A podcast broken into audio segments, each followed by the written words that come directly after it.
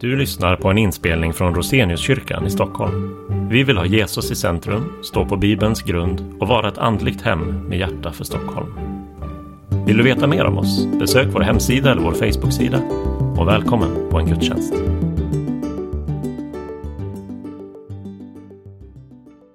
Vi ställer oss upp och lyssnar till dagens evangelietext som är hämtad från Matteus evangeliets elfte kapitel, verserna 2 till och med 11. Jag läser i Jesu namn. Johannes fick i fängelset höra talas om Kristi gärningar. Han sände då bud med sina lärjungar och frågade honom, är du den som skulle komma? Eller ska vi vänta på någon annan? Jesus svarade dem, Gå och berätta för Johannes vad ni hör och ser. Blinda ser, lama går, spetälska blir rena, döva hör, döda uppstår och fattiga får höra glädjens budskap. Salig är den som inte tar anstöt av mig. När de hade gått började Jesus tala till folket om Johannes. Vad gick ni ut i öknen för att se? Ett strå som vajar för vinden?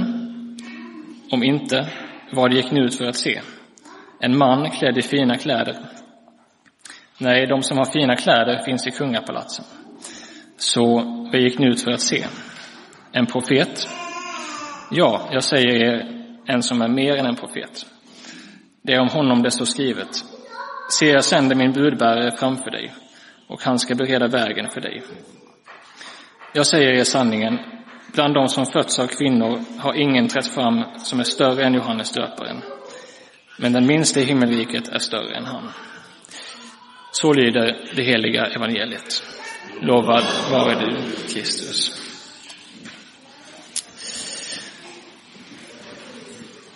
Vi ber.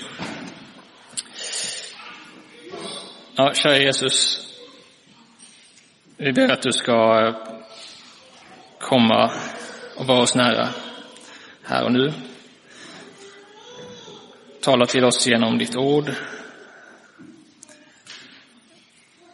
Hjälp oss att eh, öppna våra hjärtan för dig och det du har att säga till oss idag.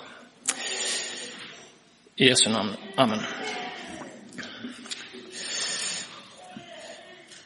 Kanske har du någon gång ställts inför en situation där eh, du har behövt ompröva något du har eh, tidigare tagit för givet. Kanske under hela ditt liv. Något som du känner är en del av din identitet, vem du är.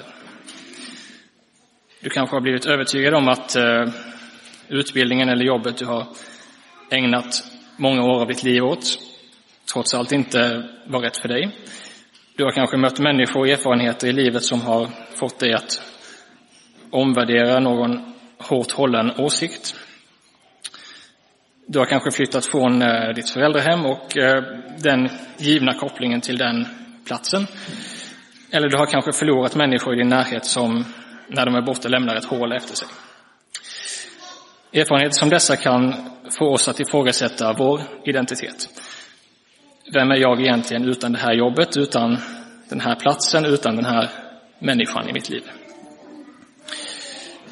Och eh, kristen tro kan ju också vara en, del, en stor del av vår identitet. Och dagens evangelietext får vara ett stöd för dig som någon gång har eh, utvärderat eller velat ompröva din kristna tro, eller för dig som är osäker på eller undrar vad kristen tro faktiskt handlar om. Du kanske tänker att din tro känns eh, svag och att den skulle falla samman om du började granska den lite mer noggrant. Eller du kanske tvivlar på att tron är något för dig. Du kanske vill fråga Jesus, vem är du egentligen? Och dagens text börjar med just denna fråga som ställs av Johannes döparen. Han frågar Jesus, är du den som skulle komma? Eller ska vi vänta på någon annan? Jesus svar och dagens text kretsar sedan kring Jesus identitet, alltså vem Jesus var och vad vi människor har för förväntningar på Jesus. När vi kommer in i, i den här texten så sitter alltså Johannes i fängelse. Och historien om Johannes döparen slutar så småningom med att han blir eh, avrättad i fängelset. Men i vår text verkar det alltså som att han eh, kan eh, genom sina följare, sina lärjungar, Eh, kommunicera utåt och har fått berättat för sig vad Jesus gjorde. Och Jesus, eh, Johannes kunde alltså också skicka en fråga till Jesus genom sina lärjungar. Jag kommer att dela in predikan i, i tre delar. För det första att våga ställa frågan. För det andra att ha rätt förväntningar på Jesus. Och för det tredje att se det större sammanhanget. Så först del ett. Att våga ställa frågan. Som kristen kan man i olika perioder av livet behöva utvärdera sin eh, tro. Vad är det egentligen jag tror på och varför? Oavsett om man är ny i tron eller om den har följt med hela livet kan den här typen av frågor dyka upp. Om man inte har någon tro blir frågan istället vad är det jag letar efter?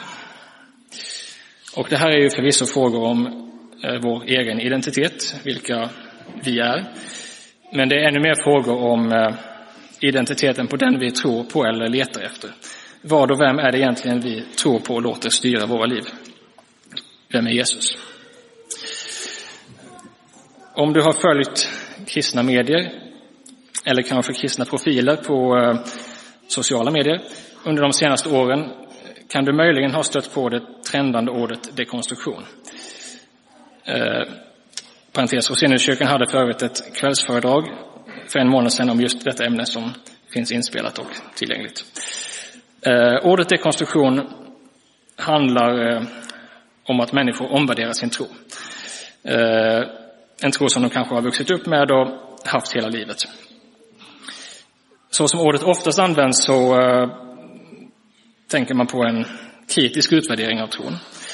Som tyvärr ofta resulterar i en annan version av tron eller kanske att man så småningom helt lämnar sin eh, kristna tro bakom sig. Samtidigt vet vi att kristen tro inte levs i ett vakuum utan eh, den kan präglas av människor, kulturen och sammanhangen runt omkring oss som inte nödvändigtvis måste vara positivt. Eh, men att utvärdera vår, och pröva vår tro kan också innebära att vi söker oss närmre rötterna till vår egen tro, alltså något positivt. Så det är viktigt att vi är tydliga med att det inte per definition fel att utvärdera den kristna tron. Den här typen av frågor kan dyka upp hos oss själva, eh, hos varandra eller människor runt oss och vi behöver vara beredda på att hantera dem. Och det är också väldigt viktigt att vara tydliga med att det ytterst sett är till Gud och till Bibeln vi får gå med våra frågor. För Gud har lovat att höra våra böner och vara nära oss, också i tider av osäkerhet och funderingar.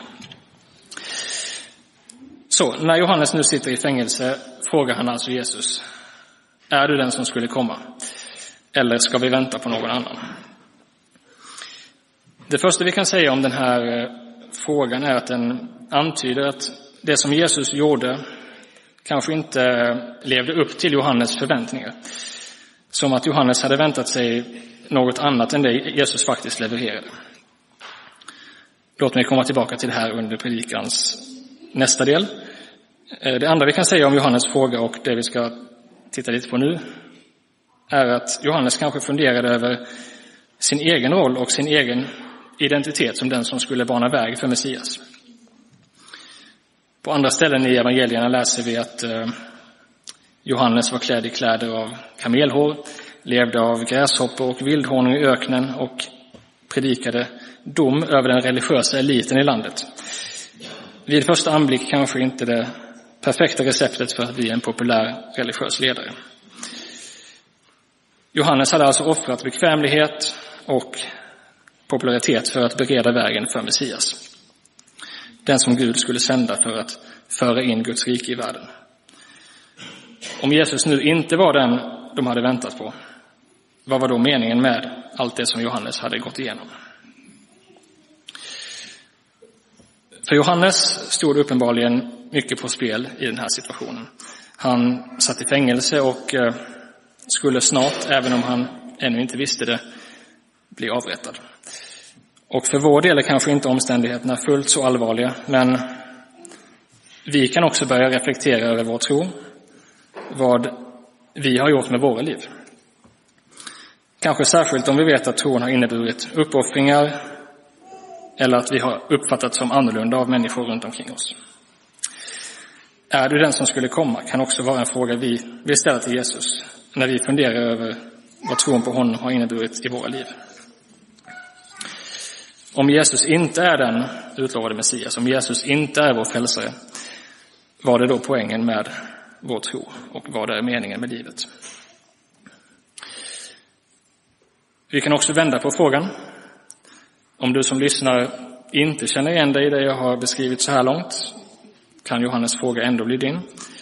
Om du inte har någon tro eller om du funderar, undrar, tvekar så kan Johannes fråga också bli din. Du kanske ser dig själv som sökande, letande efter djupare mening i livet. Att då ställa frågan, ska vi vänta på någon annan? Till Jesus innebär att vi öppnar upp oss för att sökandet, för att letandet faktiskt kan vara slut. Att vi är villiga att stanna kvar framför Jesus. För snart eh, tio år sedan flyttade jag och eh, min fru till Stockholm för att gå bibelskola. Och eh, för min egen del var beslutet till stor del eh, motiverat av en önskan att eh, ta min tro på allvar. Varför är jag kristen och vad betyder det för mitt liv? Vad finns det för argument för och emot kristen tro? Varför ska jag följa Jesus? Och jag har själv fått uppleva Guds ledning i beslutet att våga ställa frågor om min tro men framför allt i beslutet att stanna vid Jesus, att säga du är den jag har väntat på. Och jag tror inte att jag är ensam om denna upplevelse. Och vår text idag visar att vi får ställa frågor till Jesus. Till och med Johannes döparen, som spelade en sån nyckelroll i Guds plan, hade ett behov av att ställa frågan. Och när Jesus svarar honom var det inte genom att vifta bort eller ignorera Johannes uppriktiga önskan. Utan Jesus ger Johannes ett konkret svar på frågan. Så vi behöver inte heller vara rädda för att våga fråga Jesus, är du den vi väntat på? Om Jesus faktiskt levde, om Jesus faktiskt var den han sa att han var, så tål han våra frågor. Låt oss nu gå in i predikans eh, andra del. Att ha rätt förväntningar på Jesus. Eh, vi går tillbaka till Johannes fråga och vad den verkar säga om hans förväntningar på Jesus. Johannes frågar alltså om Jesus var den som skulle komma, alltså om Jesus kan identifiera sig med den länge utlovade Messias. Det Johannes hade sett och hört om Jesus stämde kanske inte helt med vad han hade väntat sig. Så vad var det då Johannes hade hoppats på? I början av Matteusevangeliet läser vi Johannes döparens egna ord i öknen. Och han säger, jag döper er i vatten till omvändelse, men den som kommer efter mig är starkare än jag och jag är inte ens värdig att ta av honom sandalerna. Han ska döpa er i den helige ande och eld. Han har sin kastskovel i handen och han ska rensa sin tröskplats och samla sitt vete i ladan. Men agnarna ska han bränna upp i en eld som aldrig slocknar. Så Johannes predikade alltså om omvändelse och om dom, ett allvarligt budskap. Han beskrev Messias, den Messias som skulle komma som någon med en kastskovel som rensar säd och skiljer agnarna från vetet som en bild för den kommande domen. Han talade om Messias som en domare över alla folk som också skulle döma Israels folk. Men det han nu hade sett och hört om Jesus från Nasaret, alltså att Jesus botade sjuka, mötte samhällets utstötta, var kanske lite annorlunda än det han hade väntat sig. Vad var egentligen domen som skulle komma? Att Messias skulle komma som en domare var självklart inget som Johannes hade taget från luften. Utan denna bild hittar vi i flera av Gamla testamentets profetior och förutsägelser om Messias. Bilden med kastskåven som Johannes använder hittar vi till exempel i profeten Jeremias bok. Samtidigt är detta bara en del av löftet om Messias. Genom hela Gamla testamentet målas en större bild upp av en framtida kung, någon som ska skapa fred, skipa rättvisa, någon som ska döma och någon som ska utplåna ondska och död. När Jesus svarar på Johannes fråga säger han Blinda går, blinda ser, lama går, spetälska blir rena, döva hör, döda uppstår och fattiga får höra glädjens budskap. Det som ger verklig tyngd åt Jesus svar är att också dessa händelser hade förutsagts av Gamla testamentets profeter. I profeten Jesajas bok, som vi läste ur i, i dagens gammaltestamentliga läsning, kan vi läsa om blinda som ser, döva som hör, lama som går och fattiga som får höra glädjens budskap. Och att alla dessa är tecken på att den messianska tidsåldern håller på att göra sitt intåg i världen. De under och tecken som Jesus gjorde visar hur Gud motverkade syndens och dödens och djävulens makt i världen. De var yttre tecken på något ännu större. Messias tidsålder hade påbörjats och det är den värld som också vi lever i. Även om Jesus inte fysiskt vandrar bland oss idag får vi leva i en tid då Jesus sanna identitet som Messias har visat sig. Och, att han har, och han har lovat att vara också oss nära. Också idag vänder sig människor till Jesus när vi inser vad han betyder för världen och för våra egna liv. En möjlighet till omvändelse, till förlåtelse och helande. Och om människorna under Gamla testamentets tid väntade på Jesus så väntar vi nu på hans återkomst. Gud uppfyllde sina löften då och Gud ska uppfylla sina löften igen. Johannes förväntningar på Messias kom alltså från Gamla testamentet och de profeter som hade gått före honom. Och nu använder Jesus själv Gamla testamentet för att bevisa sin auktoritet för Johannes. Jesus budskap är alltså Johannes, det du förväntar dig av mig bygger på vad du har hört från profeterna. Genom samma profeter som du litar på har Gud sagt att när Messias kommer ska blinda se, lama gå, döva höra och glädjens budskap bli predikat för de fattiga. Och dessa saker händer här och nu. Jag är den ni har väntat på.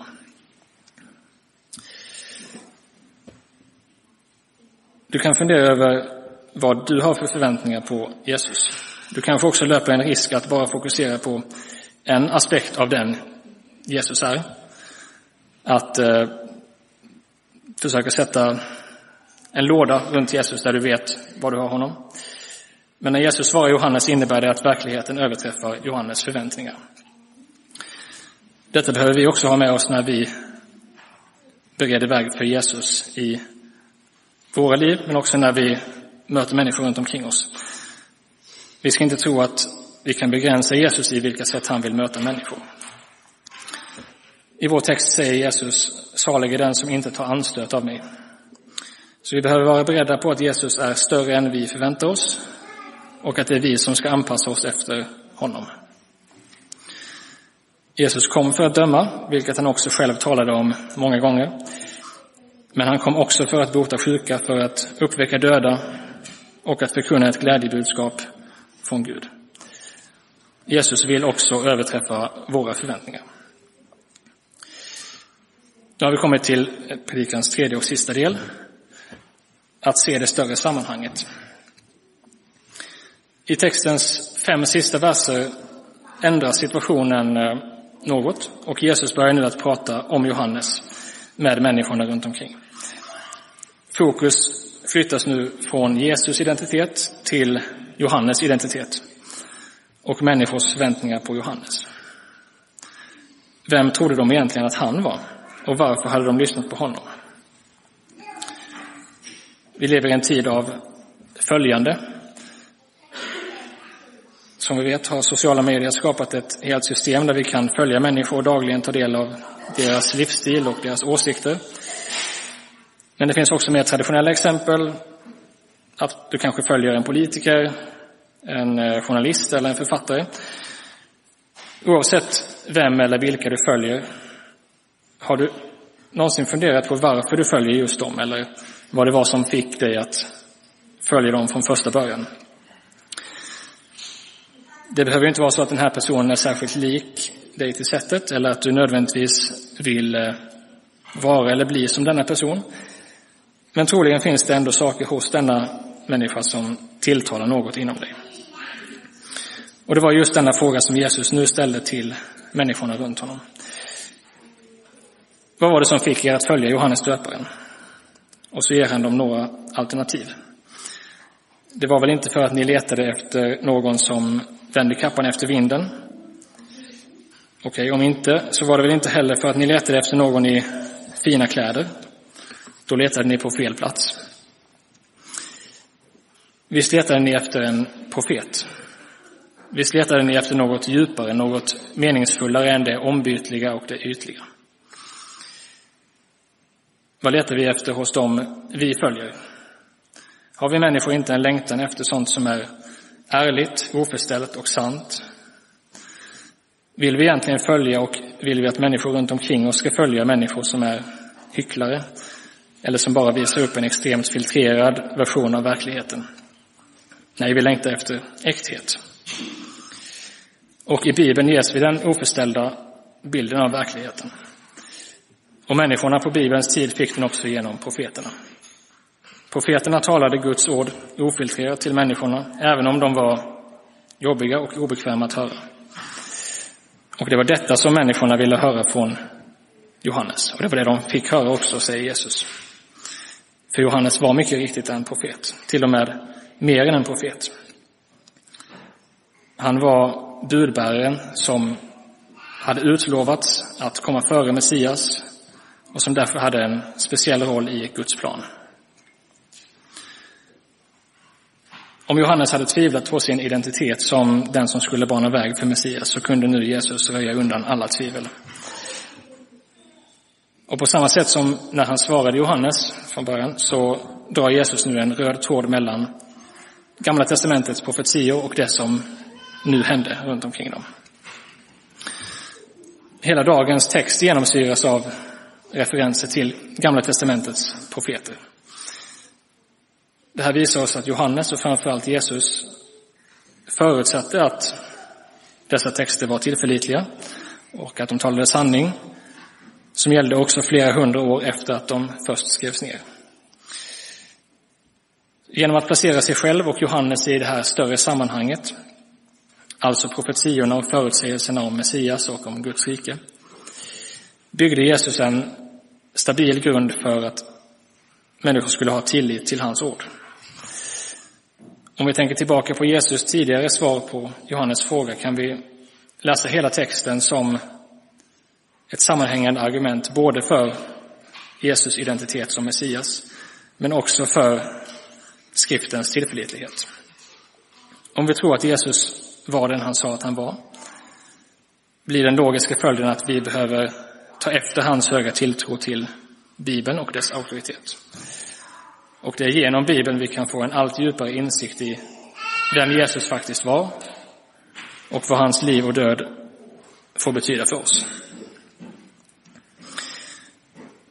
I de sista orden i vår text säger Jesus Bland de som fötts av kvinnor har ingen trätt fram som är större än Johannes döparen. Men den minste i himmelriket är större än han. Med detta understryker Jesus än en gång att Guds rike, som nu var på väg in i världen med honom, var något alldeles nytt, något annat än de gammaltestamentliga profeterna. Det var något större än det som människorna hade vågat hoppas på och förvänta sig när de följde Johannes. Till och med Johannes, den största av alla profeter, var liten i jämförelse med det som Jesus kom för att ge oss. Jesus uppmanade människorna han mötte, om ni följer Johannes, ta nu hela steget och följ mig. Guds rike är det verkliga målet. Detta är något som är större än vi vågar hoppas på och det är något som Jesus vill ge också till oss. Vi ber.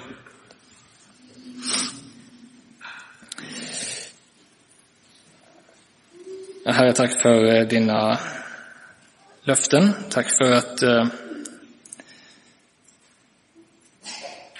du har varit med oss människor under så lång tid och att du har talat till människor genom historien, att du eh, har gett oss ditt ord för att visa oss eh, vem du är och vad du har för planer för,